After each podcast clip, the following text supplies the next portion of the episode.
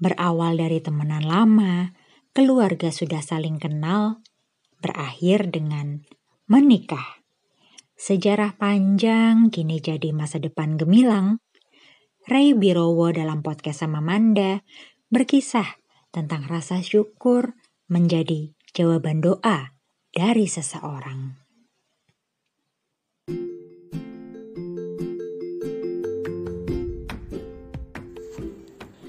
Gue ngambil keputusan nikah pada saat usia ke-40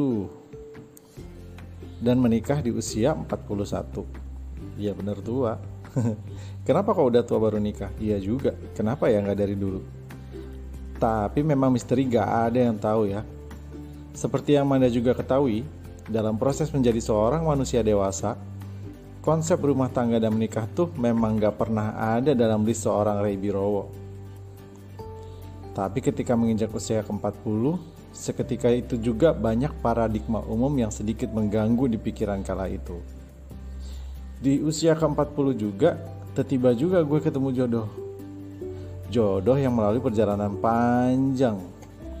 Jadi sebenarnya gue tuh udah ketemu cewek ini 17 tahun sebelumnya, yaitu sekitar di tahun 2001 dan 2002an gitu deh gue waktu itu hampir lulus kuliah sedangkan dia posisi masih sekolah di SMA dulu kami berteman biasa aja.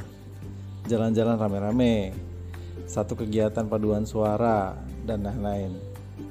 Gue dulu pernah main ke rumahnya dan diterima dengan baik oleh bapak dan ibunya kala itu. Nggak pernah merasakan yang kata orang love at the first sight waktu itu. Karena semua biasa aja. Datang berawal dari main sering teleponan. Karena waktu itu teknologi komunikasi tercepat adalah telepon rumah ya. Belum ada chat kayak zaman sekarang.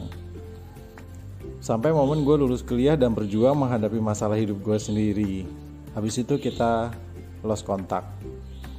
Tapi dibilang lost kontak gak juga ya. Soalnya entah gimana ceritanya kita selalu terkoneksi kembali melalui media sosial Nggak terasa waktu berjalan melebihi kecepatan cahaya loh.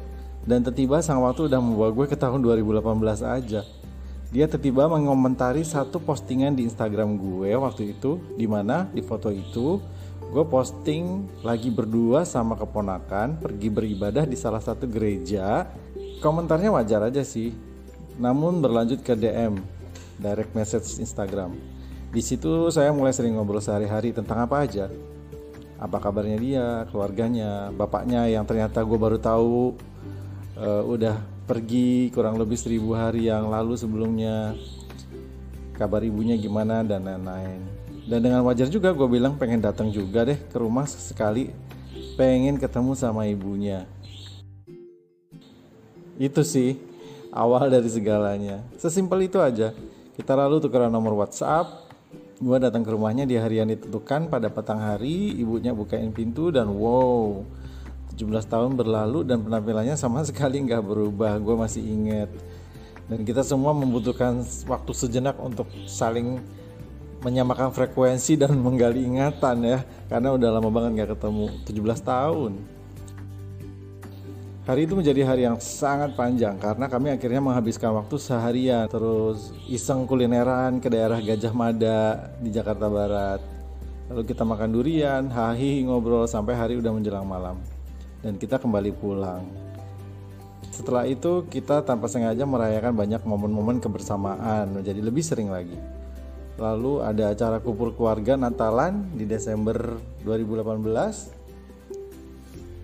di situ dia udah mulai sang ibu udah mulai kode-kode tuh untuk kita berdua mau ke mana nih arahnya. Terus bulan Maret ada momen ulang tahun istri gue.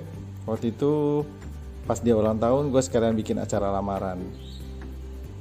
Lamaran resmi dari pihak keluarga gue sama pihak keluarga dia setelah lamaran diterima, kita langsung rundingan untuk menyusun rencana ke hari pernikahan yang kita tentukan di bulan Oktober 2019. 19, 10, 19 waktu itu angka cantik. Ya udah semua berjalan biasa aja, lancar dan nyaris tanpa drama sih. Ya buat gue, seorang pria biasa-biasa aja bisa beristrikan seorang wanita super luar biasa hidup terasa komplit, lengkap, sempurna. Itu aja.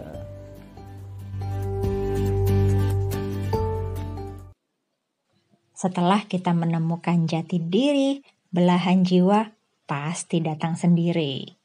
Saat sudah bertekad tidak mencari, eh malah yang terbaik menjerat hati.